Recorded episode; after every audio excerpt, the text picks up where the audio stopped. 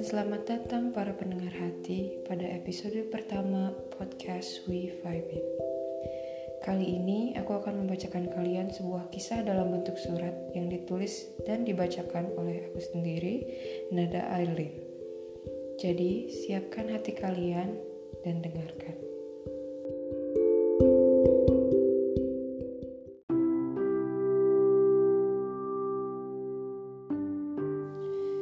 Aku suka kamu, Ki. Waktu itu, aku kirimkan pesan itu padamu. Seorang anak lelaki seumuranku yang telah menarik semua perhatianku dari pertama kali mata kita bertemu. Jatuh cinta pada pandangan pertama.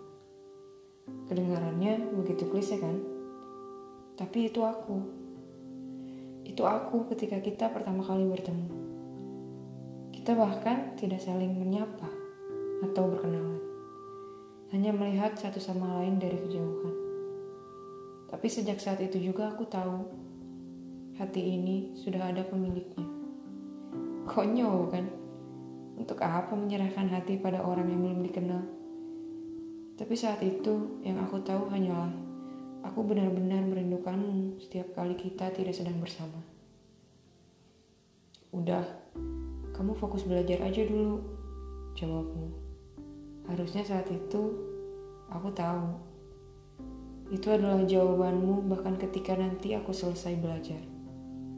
Itu adalah jawabanmu dengan seluruh kemampuanmu. Kemampuan seorang teman yang ingin mendukung temannya mengejar mimpinya, namun juga tidak ingin mematahkan semangatnya. Maaf, karena saat itu aku tidak mengerti dan berkali-kali menjadikanmu kambing hitam dari hayalan yang aku karang sendiri. Tapi aku ngerti kok sekarang, Ki. Kamu gak usah merasa bersalah lagi. Semuanya salahku dan ekspektasiku sendiri. Aku harap kamu bisa melanjutkan hidup kamu dengan bahagia sekarang. Biarpun aku bukan lagi bagian dari hidupmu. Jadi Ki, atas izin Tuhanku, hari ini aku ikhlas untukmu dan dia yang akan melangkah bersamamu di kehidupan barumu. Aku harap kamu tidak lagi merasa harus bertanggung jawab atas perasaanku. Hari ini aku ikhlas, dan hari ini kamu lepas dari aku yang sudah tidak lagi menunggu.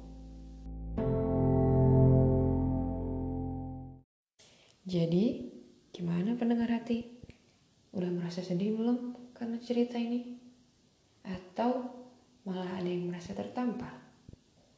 Cerita ini aku tulis untuk kalian yang mungkin aja pernah merasa kalau seseorang itu masukin kalian ke dalam friend zone-nya tapi sebenarnya dia itu maksudnya tuh untuk menolak kalian tapi secara sopan dan kalian tuh salah paham dan salah menangkap sinyal-sinyal penolakan secara sopan dia itu.